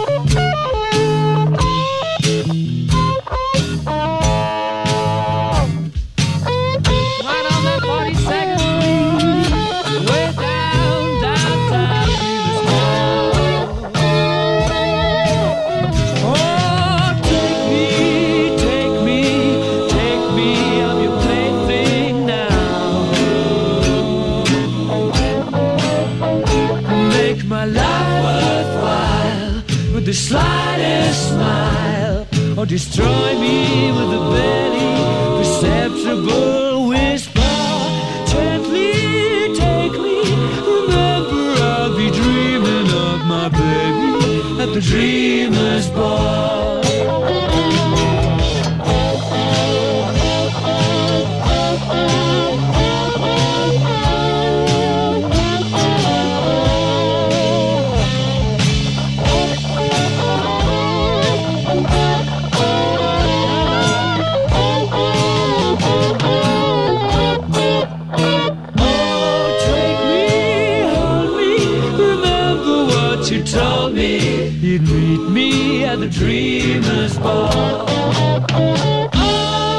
Dreamer's you at the. Dreamers Ball van Queen uit eh, de plaat Jazz uit 1978, Francis Wijns. Omdat dit het allerbeste is wat er bestaat. Queen is het allerbeste wat er bestaat. Dus, eh, En dan moest je nog eens kiezen, want... Ja, Karl Popper ja. zou daar niet mee akkoord zijn, maar, maar, maar, eh, ja, ik ben eh, sinds mijn achtste of mijn negende ben ik gigantische fan van Queen geworden en dat is altijd zo gebleven. Hoe is dat zo gekomen? Ik, eh, ik, vond dat, ik heb dat toen voor de eerste keer op Avro's Top opgezien en ik dacht van, wat is dat hier? Dat was zo verschillend van andere groepen toen op Top op. En ik vond die eigenlijk, eh, toen ik in mijn punkperiode zat, ik vond eigenlijk Queen meer punk dan de Sex Pistols en de Clash Ah ja? omdat Queen altijd deed waar ze zin in hadden. Je had een man die in een balletpak op podium stond. Freddie Mercury. Freddie Mercury dus. Ze gingen van eh vaudeville naar hardrock, naar opera, naar disco op de duur. Ze deden eigenlijk eh, waar ze zin hadden, maar ze deden het goed. Ze waren eigenlijk perfectionisten. En er zat heel veel humor in die muziek. En ook in die, in die shows gewoon. Eh, Hoe dicht ben jij ooit in de buurt van Queen gekomen? ik heb eh, Brian May en Roger Taylor, de gitarist en de drummer, heb ik ooit na een concert ontmoet. En toen, ik denk een jaar of negen geleden, mocht ik van Focus Knak naar Engeland gaan, naar Londen gaan, en voor een interview met hun. En dat is het dichtste dat ik ooit bij Brian May en Roger Taylor ben geraakt. en Nou, wat dat wou je van hen weten? Goh, ik, eh, ik moet zeggen dat ik eh, doodnerveus was. en eh, ik denk de eerste vraag dat ik, dat ik mij gesteld heb, dat ik gesteld heb aan, aan Brian May was van wat doet dat met iemand van 24 jaar die plots wereldberoemd wordt en die van een, een, een eh, doodgewone eh, student, een schitterende student trouwens, maar eh, plots een wereldster wordt. En hij zei mij, ja, dus, hij zei, ja, wij waren blij dat we iets ouder waren dan andere groepen. En voor ons was dat een rollercoaster. En we zijn gewoon meegegaan met die rollercoaster, met alle mogelijke bochten die we, die we konden meemaken. Weet je nog waar je was toen het nieuws binnenliep dat Freddie Mercury was gestorven? Ja, de dat was- van AIDS, 1991 Ja, was dat, hè? dat November was, eh, 91. Dat was toen eh, trouwens. eh, s ochtends hoorde je de verkiezingsresultaten, want dat was Zwarte Zondag, eh, 24 november. Ah. Dus als item in het nieuws werd er op het einde gezegd dat de zanger van Queen was gestorven. Er was toen nog geen sociale media. En ja, ik, ik, heb toen, ik heb toen gehuild, echt. ik heb echt gehuild. Mm. Ja, dat was echt, ja. Je bent eh, historicus, maar je hebt ontzettend lang in de muziekbusiness gewerkt. En in 2005 ben je dan cultureel eh, marketingverantwoordelijke geworden bij ehm, Red Bull. Ja.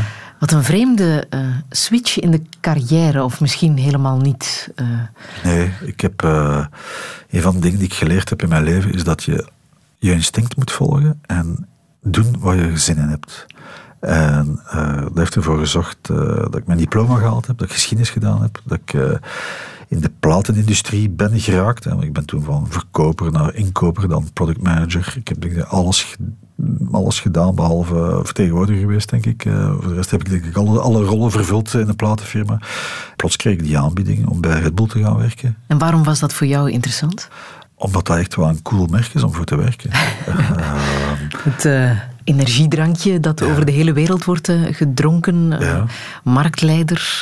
In 87 uh, ja, ja, markt door, gezet. Door, door Dietrich Mateschitz ontwikkeld. eh, en vooral bekend omwille van die slogan. Hè? Red Bull geeft je vleugels. Ja, ik, eh, ik, vond dat, ja, ik vond dat echt wel een uitdaging. En, en ik heb daar eigenlijk vrij snel mijn, mijn, mijn, mijn draai gevonden. Uh, wat doe je daar dan precies als cultureel marketing verantwoordelijk? Uh, ik, alles wat met het woord cultuur te maken heeft, dus muziek en dans is dat, valt, doe ik voor België, valt onder mij. Dus ik zorg er enerzijds voor dat ik internationale projecten hier in België een, een Belgisch een, lokale, een lokaal evenement organiseer.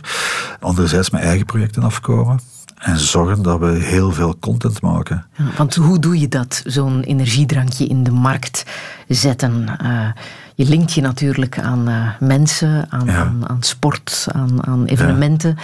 waar Red Bull kan gedronken worden. Ja. En waar hou je dan rekening mee? Ik hou er voornamelijk rekening mee dat uh, ik met de juiste mensenwerk en dat ik de juiste boodschappen geef aan de juiste doelgroep. Mm -hmm. We zijn geen merk voor, uh, we zijn een, een, een, een, actief merk. Onze slogan is geef je vleugels en dat is eigenlijk wat ik voor cultuur mee bezig ben. Ik ben heel veel bezig met uh, artiesten en dansers, een platform. Wij, wij geven een platform en wij geven ze de nodige kleine duwtjes om vooruit te geraken in het ja. leven. En dat zijn de vleugels die je dat geeft. Zijn de vleugels. Ja. Uh, ja, want het imago dat het heeft is, je blijft er wakker van. Hè? Uh, je kan wat doorstuderen, zeker de studenten die misschien nu nog aan het blokken zijn, dan is Red Bull misschien wel een middel. Chauffeurs die lang moeten rijden. Ja, die, absoluut. Ja, voor, voor, maar klopt dat ook? Blijf je er wakker van, frisser van, helderder van? Ja, absoluut.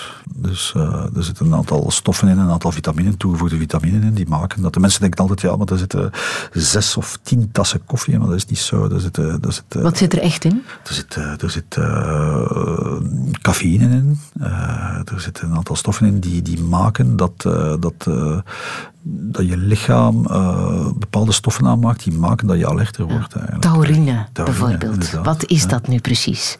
Want daarover was gezegd, dat is een ingrediënt uit de testikels van een stier. Ja, dat is zo een van die uh, broodjes aap uh, uh, verhalen. Zo. Ja? Dat, dat, is absoluut dat is niet waar. Dat is een stof die je lichaam aanmaakt en die, die, die voor zorgt dat je eigenlijk opnieuw verder kan. Die eigenlijk opnieuw energie geeft. Is het vervelend dat het drankje verboden is in een land als Uruguay bijvoorbeeld? En in Canada moet er een label op zitten dat het uh, een, wat is het, een, een, waarschuwing voor de gezondheid? Wij richten ons ook niet naar kinderen. Wij richten ons naar 16-plussers. Uh, is het gevaarlijk voor de gezondheid? Het is even gevaarlijk om drie kannen koffie te drinken of een fles whisky te drinken. Ik bedoel, wij vragen Overdaadsgaat. Wij vragen niet om tien Red Bulls op een dag te drinken. net zo min als je niet wordt gevraagd om bij de bakker tien eclairs te gaan kopen en te gaan opeten. Bedoel, je weet dat dat niet goed komt. Dus dus je moet eigenlijk op een goede manier daarmee omgaan.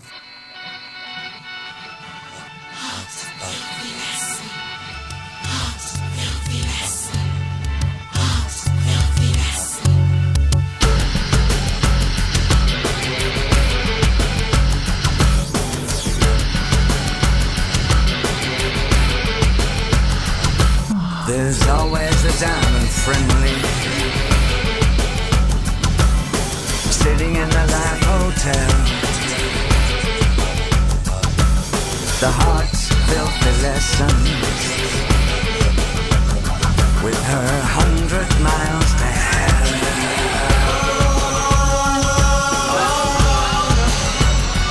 If there was only something between us. If there was only something between us other than our clothes. Something in our sky, something in our sky, something in our blood, something in our sky. Patty. Patty?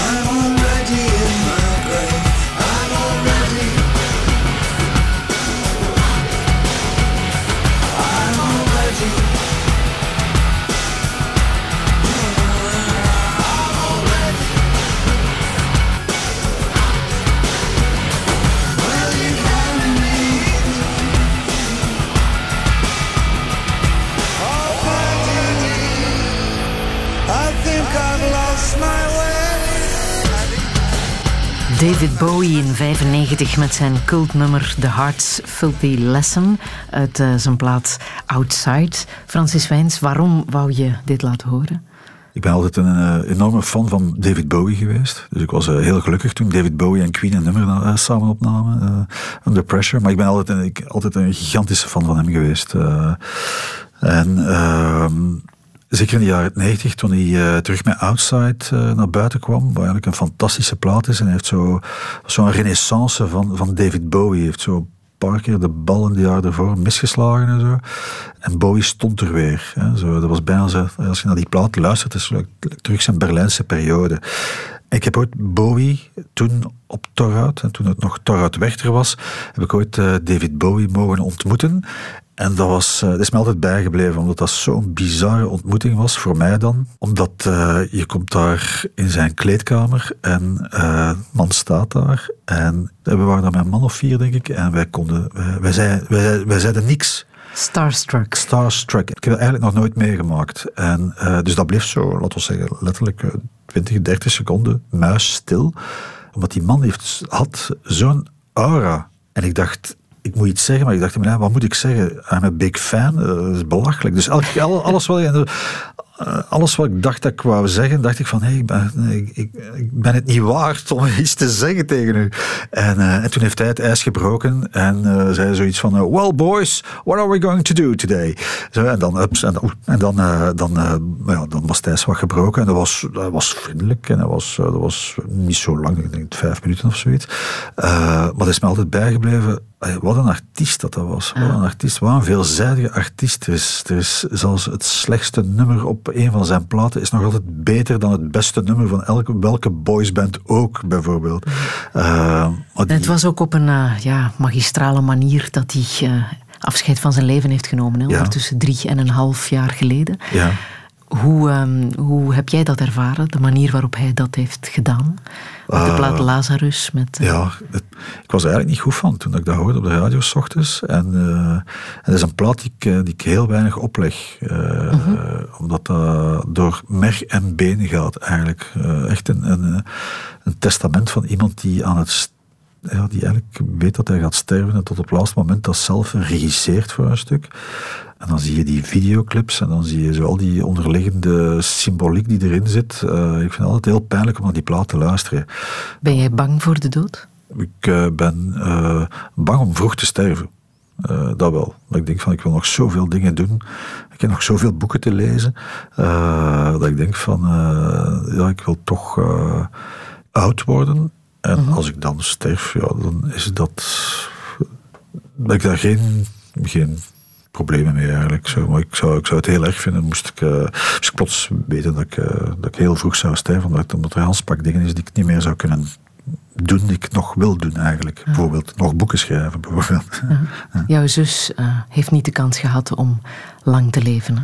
Nee, mijn zus is, daarmee misschien dat die angst er bij mij ook wel voor een stuk in zit.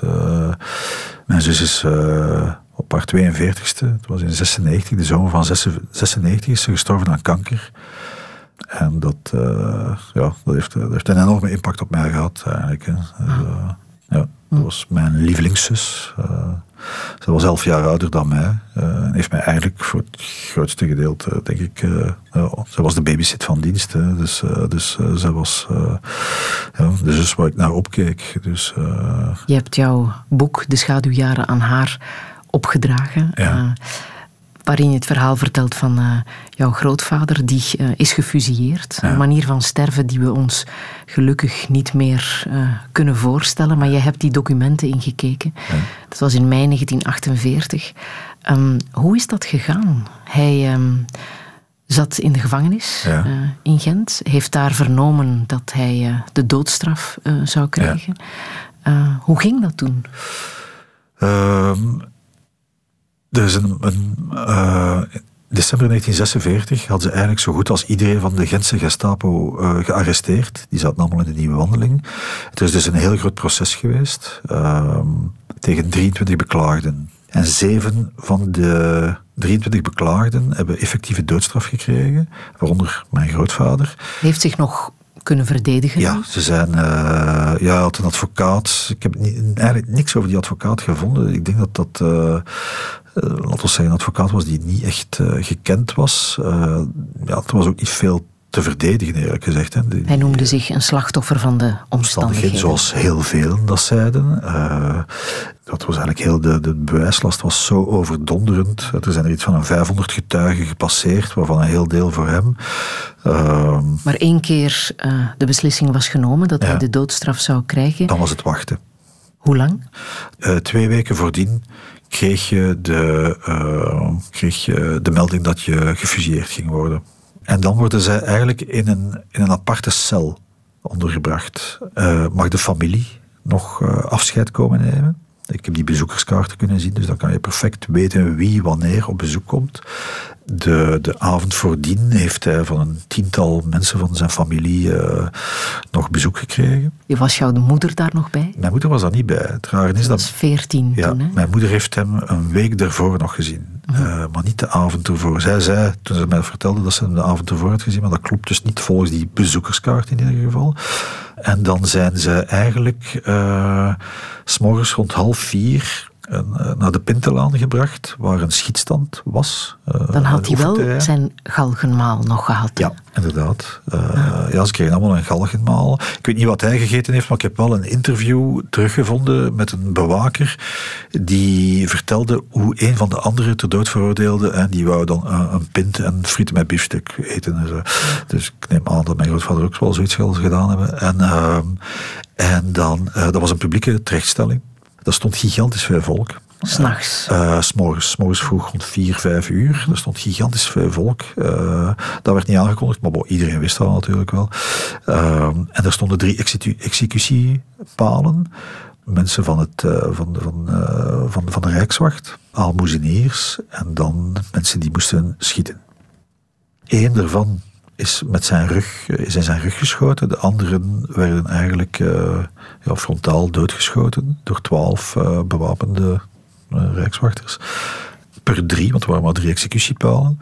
Mijn grootvader zat in de tweede lichting en heeft toen het met nog een aantal anderen het genadeschot gekregen. En wat betekent dat precies, het, genadeschot? Het genadeschot is dat je, dat je nog niet dood bent. Uh -huh. dat, je, dat, je, dat, je echt, dat er iemand moet zijn die jou echt uh, de laatste kogel afvuurt. Ja.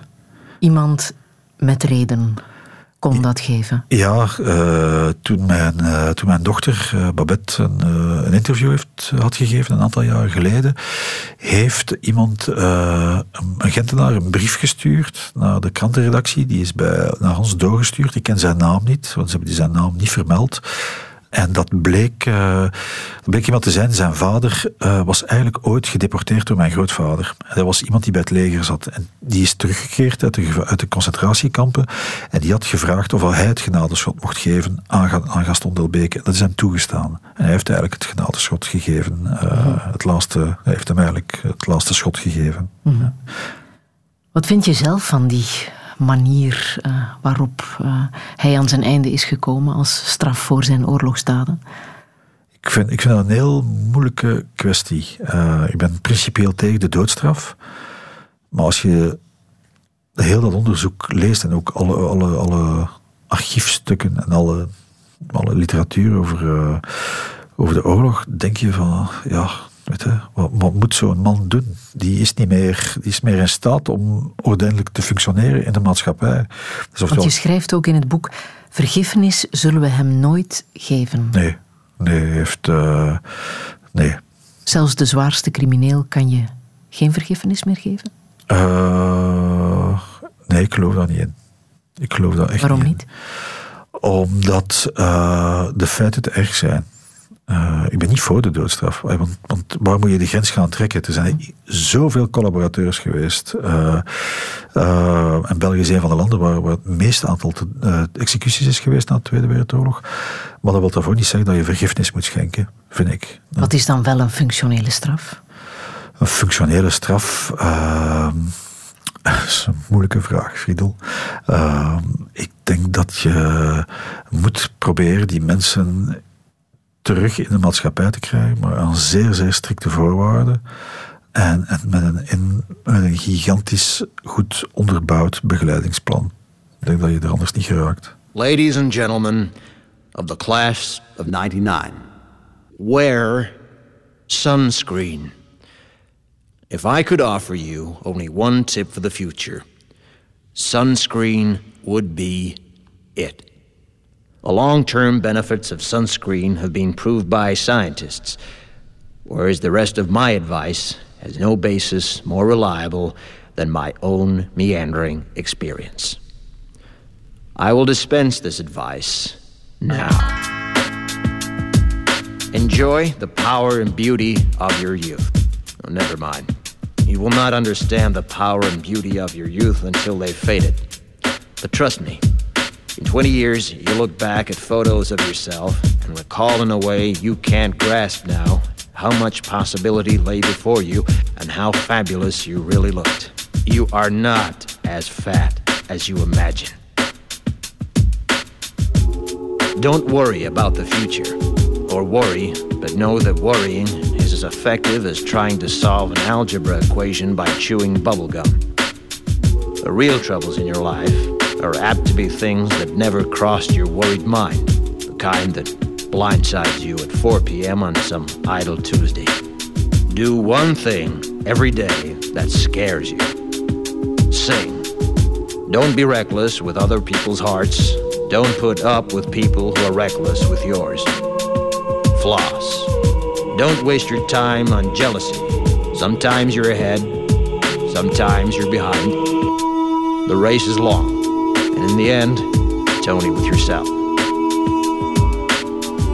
Remember compliments you receive. Forget the insults. If you succeed in doing this, tell me how.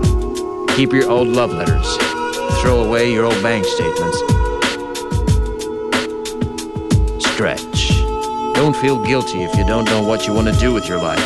The most interesting people I know didn't know at 22 what they wanted to do with their lives. Some of the most interesting 40 year olds I know still don't.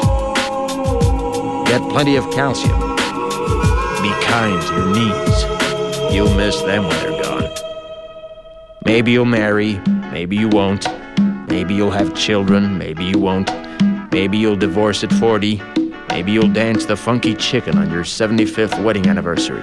Whatever you do, don't congratulate yourself too much, or berate yourself either. Your choices are half chance. so are everybody else's.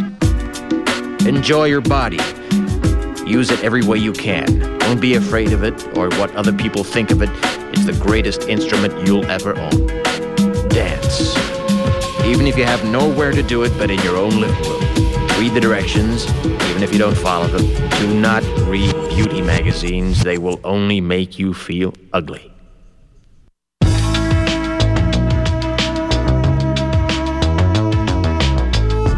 Get to know your parents. You never know when they'll be gone for good. Be nice to your siblings. They're your best link to your past and the people most likely to stick with you in the future. Understand that friends come and go, but with a precious few, you should hold on. Work hard to bridge the gaps in geography and lifestyle, because the older you get, the more you need the people you knew when you were young. Live in New York City once, but leave before it makes you hard. Live in Northern California once, but leave before it makes you soft. Travel. Accept certain inalienable truths. Prices will rise. Everybody's free to wear sunscreen van Bess Luhrmann. Uh, Francis Wijns, waarom wou je dit laten horen? Wat ik die uh, tekst eigenlijk heel grappig vind en heel wijs. Als je, als je zo 15 of 20 of 25 bent, of zelfs 30 bent, dan uh, wil je nooit eigenlijk advies aannemen van iemand, hè, want je weet het altijd beter. Uh, en soms weet je het ook beter. Maar ik heb altijd wel een gemis gevonden. Uh, ik vind eigenlijk dat iedereen zo iemand, een persoon moet hebben die zo af en toe op een humoristische, maar toch wijze manier, of verstandige manier, advies geeft of feedback geeft. dat zou mij veel domme stoten die ik ooit uitgestoken heb bespaard hebben, zonder dat dat wijsvingertje er is. Uh, en ik vind die tekst daar een perfecte illustratie van. Zo. Dus soms, uh, ja, soms doe je dingen of denk je dingen of, of, of ben, je, ben je van, zo overtuigd van je gelijk in de discussie en je moet iemand hebben, soms moet je naar iemand kunnen stappen die dat terug in een context kan plaatsen of in perspectief kan plaatsen. Wat zou je niet gedaan hebben in je leven met een uh, goede raadgever in de buurt?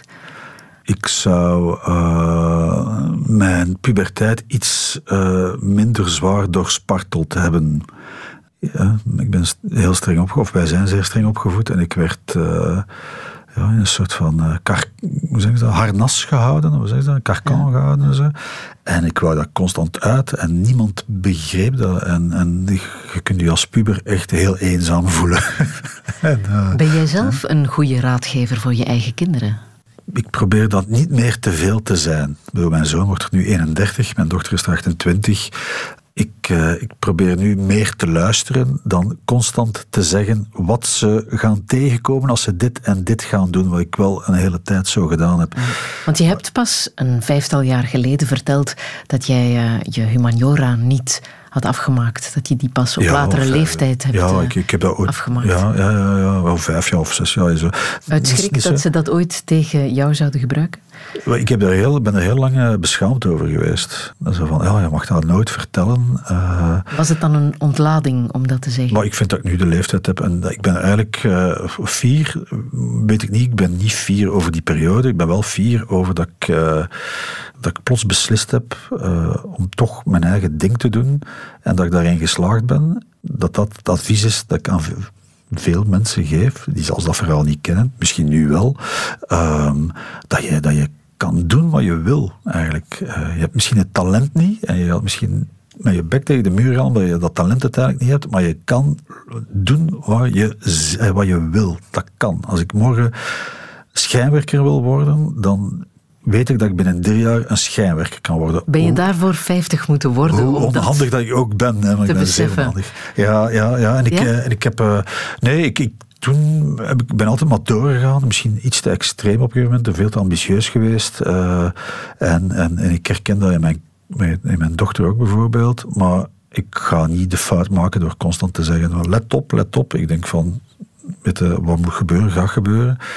Uh, maar je bent een blije vijftiger. Uh, je had zelfs sneller 50 willen worden. Als je 20 of 30 bent, vind je 50. Je vindt dat verschrikkelijk oud. oud hè? uh, je maakt geen verschil tussen 50 of 60 of 70, dat is allemaal oud. En eigenlijk vind ik uh, 50, ik ben er nu 54, vind ik echt wel goed. Ik sta veel vaster en veel rustiger in het leven. Eh, ik vind dat veel... Had die leeftijd misschien ook nodig om dit boek te kunnen schrijven. Ja, ik had nooit dat boek kunnen schrijven toen ik, ik zou een, een veel te... eh, ja, ik, ik denk, een veel ongenuanceerder boek geschreven, denk ik. eh, Toen ik, moest ik dat geschreven hebben toen ik 35 was of zo. Ja. Wat zou je echt nog willen in het leven? Ik zou nog heel veel op reis willen gaan. Ik zou nog een pak boeken willen schrijven. Ja, gewoon een goed leven hebben. Zo. Een heel interessant leven wil ik hebben, gewoon. Eh, Zullen we nog naar de cello-suites van Bach luisteren? ja. Thank you.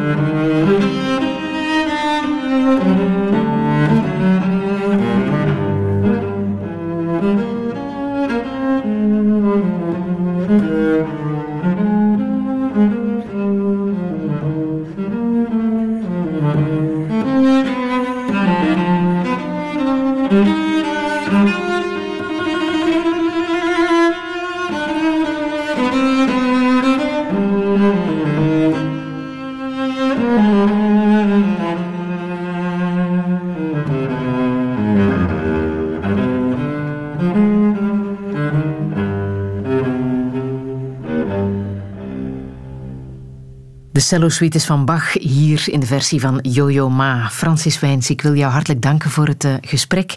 Alle info staat zo meteen na te lezen op onze website radio1.be. Daar kan je ook herbeluisteren en podcasten. Want eh, vanaf volgende week word je hier getrakteerd op dubbelbloed en zal je Touché een hele zomer lang moeten missen. Of niet, want je kan natuurlijk podcasten en eh, herbeluisteren via onze website. Wij zijn er terug in september. Een fijne zomer. Radio 1.